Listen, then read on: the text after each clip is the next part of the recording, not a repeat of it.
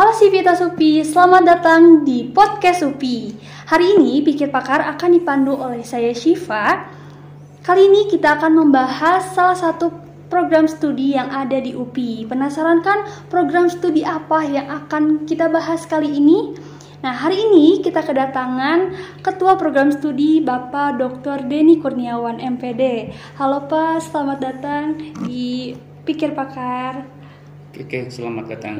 Iya, uh, bagaimana Pak kabarnya? Alhamdulillah baik. Oke, nah sebelumnya terima kasih Pak sudah meluangkan waktunya untuk datang di program Pikir Pakar kali ini. Nah, boleh langsung diperkenalkan saja Pak uh, program studi apa yang Bapak naungi saat ini? Oke, uh, terima kasih. Uh, nama saya Denny Kurniawan dan sekarang saya menjabat sebagai Ketua Program Studi Teknologi Pendidikan yang berada di bawah Fakultas Ilmu Pendidikan Universitas Pendidikan Indonesia. Oke, nah Sipita Supi, kita kedatangan Ketua Program Studi Teknologi Pendidikan. Nah, langsung aja yuk kita tanya-tanya nih. Nah, Pak kalau boleh tahu sejak kapan uh, prodi uh, Teknologi Pendidikan ini telah ada di UPI, Pak? Oke. Uh, program studi teknologi pendidikan ini memiliki sejarah yang cukup panjang ya yaitu sejak tahun 1962 ketika itu jurusannya bernama jurusan didaktik kurikulum dan eh, tergabung di bawah Fakultas Ilmu Pendidikan Unpad. Pada tahun 1972 eh, terpisah dari Unpad dan namanya menjadi prodi atau jurusan kurikulum dan pengajaran di bawah ekip Bandung. Kemudian pada tahun 1983 namanya menjadi kurikulum teknologi pendidikan di bawah ekip Bandung juga 2009 menjadi jurusan kurikulum teknologi pendidikan dan tahun 2016 e, menjadi departemen kurikulum teknologi pendidikan. Nah, di departemen kurikulum teknologi pendidikan ini teknologi pendidik prodi teknologi pendidikan berada. Nah, fakultasnya masih tetap fakultas ilmu pendidikan. Jadi kalau lihat sejarahnya memang panjang ya, jauh. Jadi kapan berdiri? Sejak tahun 1962 keberadaannya. Oke, okay, Pak.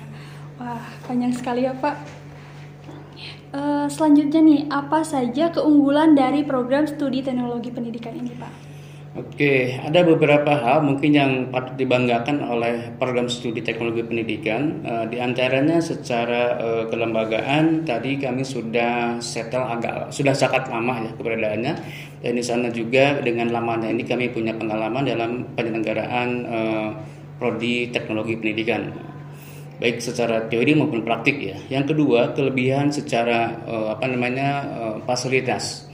Uh, kami sekarang menempati di sebuah gedung baru di lantai 9 uh, dengan perlengkapan yang bisa dikatakan modern ya. Di sana ada uh, sejumlah ruang kelas yang digunakan dan semuanya sudah uh, dilengkapi berbagai perlengkapan yang uh, modern. Ada uh, apa namanya ada sistem audio, ada sistem uh, proyeksi juga di antaranya kami memiliki smart class. Kemudian untuk kegiatan-kegiatan yang sifatnya praktik kami memiliki sejumlah laboratorium. Di antaranya ada laboratorium uh, audio, termasuk di sana juga ada laboratorium podcast untuk audionya. Kemudian ada laboratorium komputer. Kemudian ada juga laboratorium uh, apa namanya video, termasuk untuk editing video kemudian ada uh, laboratorium multimedia, kemudian ada juga laboratorium uh, untuk pertunjukan film. Uh, di sana kami memiliki semacam uh, mini theater ya, mini theater dan ruangannya kedap kedap suara. Itu uh, sejumlah uh, apa namanya fasilitas yang kami punya di samping di sana juga ada sejumlah uh, dukungan uh, supporting system uh, administratif yang saya kira sangat menunjang untuk ke, ke apa kegiatan perkuliahan. Okay. Itu ke, keunggulan di bidang fasilitas. fasilitas. Ya. Nah berikutnya keunggulan di bidang SDM. Nah dari bidang SDM secara rasio program studi teknologi pendidikan uh, bagus ya uh, satu banding kalau nggak salah satu banding tujuan lah tuh banding berapa itu kategori bagus. Uh, kemudian dilihat dari sisi pendidikannya uh, itu ada yang uh, bergelar profesor, kemudian da, yang bergelar dokter mungkin sudah sampai hampir mencapai 80% yang dan yang masih sedang menyelenggarakan sisanya sedang menyelenggarakan S2, AS3. S3.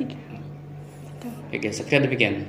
Oke, nah uh, setelah tahu nih keunggulan dari prodi teknologi pendidikan ini, selan selanjutnya nanti Pak, uh, Sivitas UPI pengen tahu pembelajaran yang digunakan di teknologi pendidikan apakah seperti praktikum lapangan atau banyak teori Pak? Oke. Okay. Uh, untuk kesempatan perkuliahan itu sangat tergantung dari karakteristik mata kuliah ya. Uh, jadi nanti ada ada ada keragaman per mata kuliahnya. Nah, dari sekian keragaman mata kuliah itu bisa kita kategorikan menjadi setidaknya tiga, tiga jenis perkuliahan. Satu ada mata kuliah yang sifatnya teori, itu memang ada. Biasa itu basic teori ya, ya biasanya.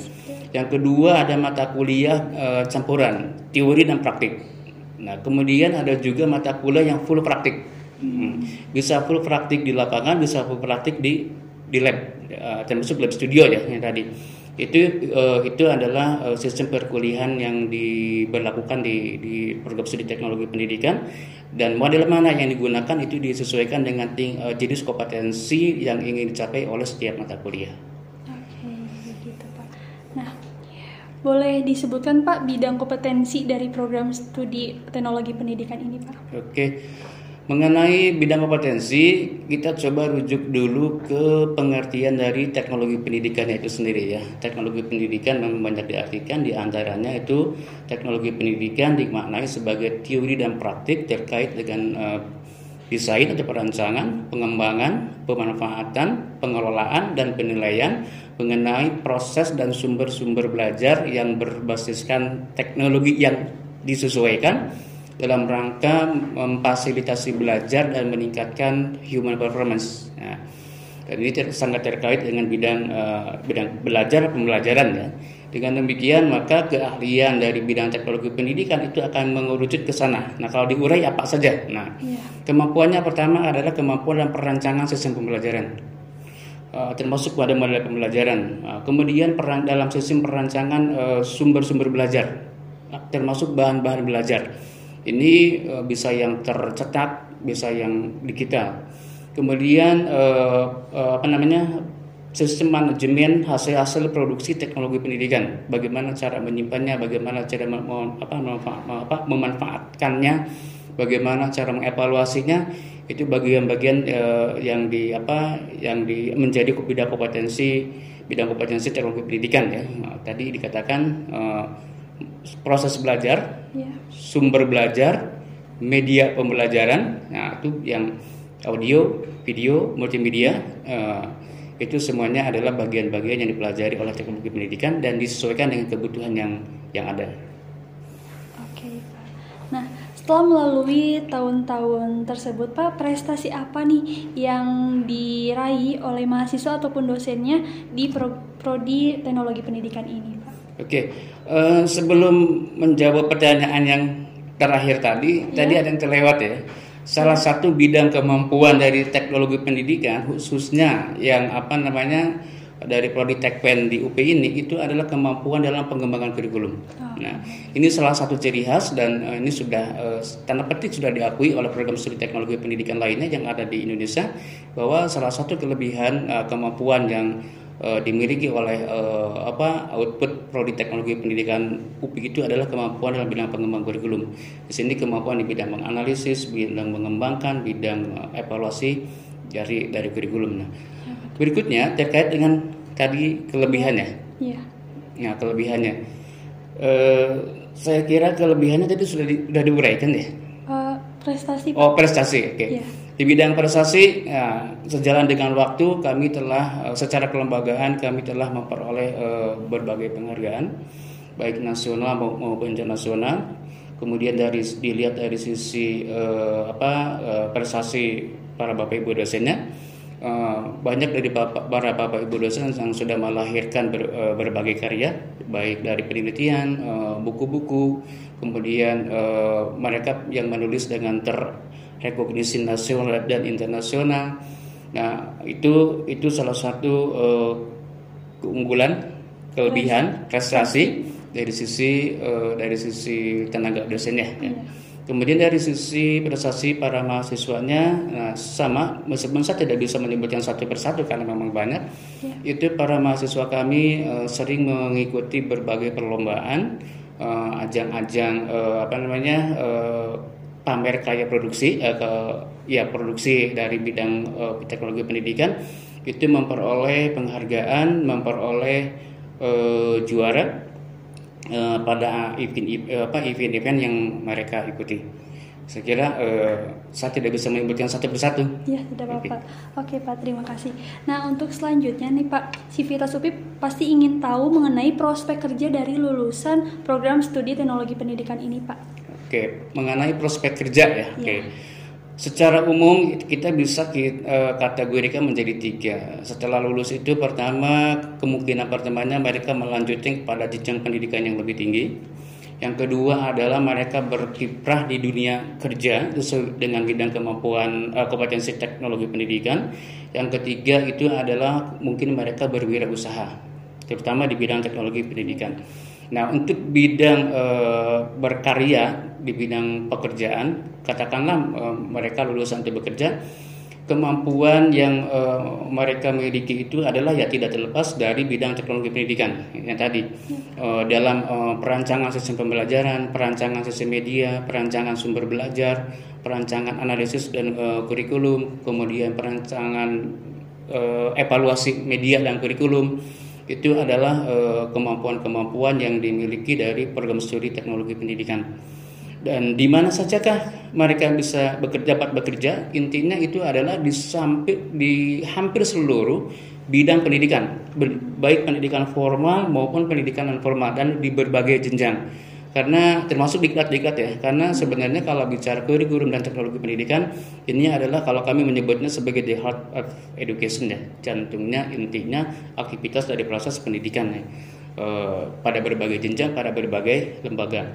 Nah selama ini uh, alumnus dari prodi kami yang sudah terekam diketahui di antaranya ada yang bekerja di departemen. Kalau di Kemendikbud sudah jelas ya, ya di bidang pendidikan kemudian di persekolahan di berbagai lembaga diklat uh, di antaranya ada yang di PT KAI ada yang di, di apa namanya di PUPR ada yang ber, mereka ber, uh, berkarir juga di uh, TNI Polri kemudian macam-macam ya banyak. Ya macam-macam sekali banyak ya. Yang intinya uh, apa namanya intinya sangat terbuka luas sebagai lulusan program studi teknologi pendidikan untuk memasuki dunia kerja. Hampir berbagai lembaga khususnya yang terkait dengan bidang kurikulum dan teknologi pendidikannya itu hampir di semua lembaga ada lembaga lembaga pendidikan tak saya kira informasinya demikian Ternyata banyak sekali ya prospek kerja dari teknologi pendidikan ini ya Pak. Nah oke, tidak terasa ya Pak sudah di penghujung acara. Nah terima kasih Bapak telah meluangkan waktunya untuk datang di Pikir Pakar kali ini. Terima kasih Sivitas UPI karena telah mendengarkan podcast Pikir Pakar kali ini. Jangan lupa untuk dengerin terus episode Pikir Pakar selanjutnya karena akan semakin menarik. Saya Shiva pamit undur diri. Sampai jumpa di episode Pikir Pakar selanjutnya. Pikir pakar, diskusi asik bersama pakar.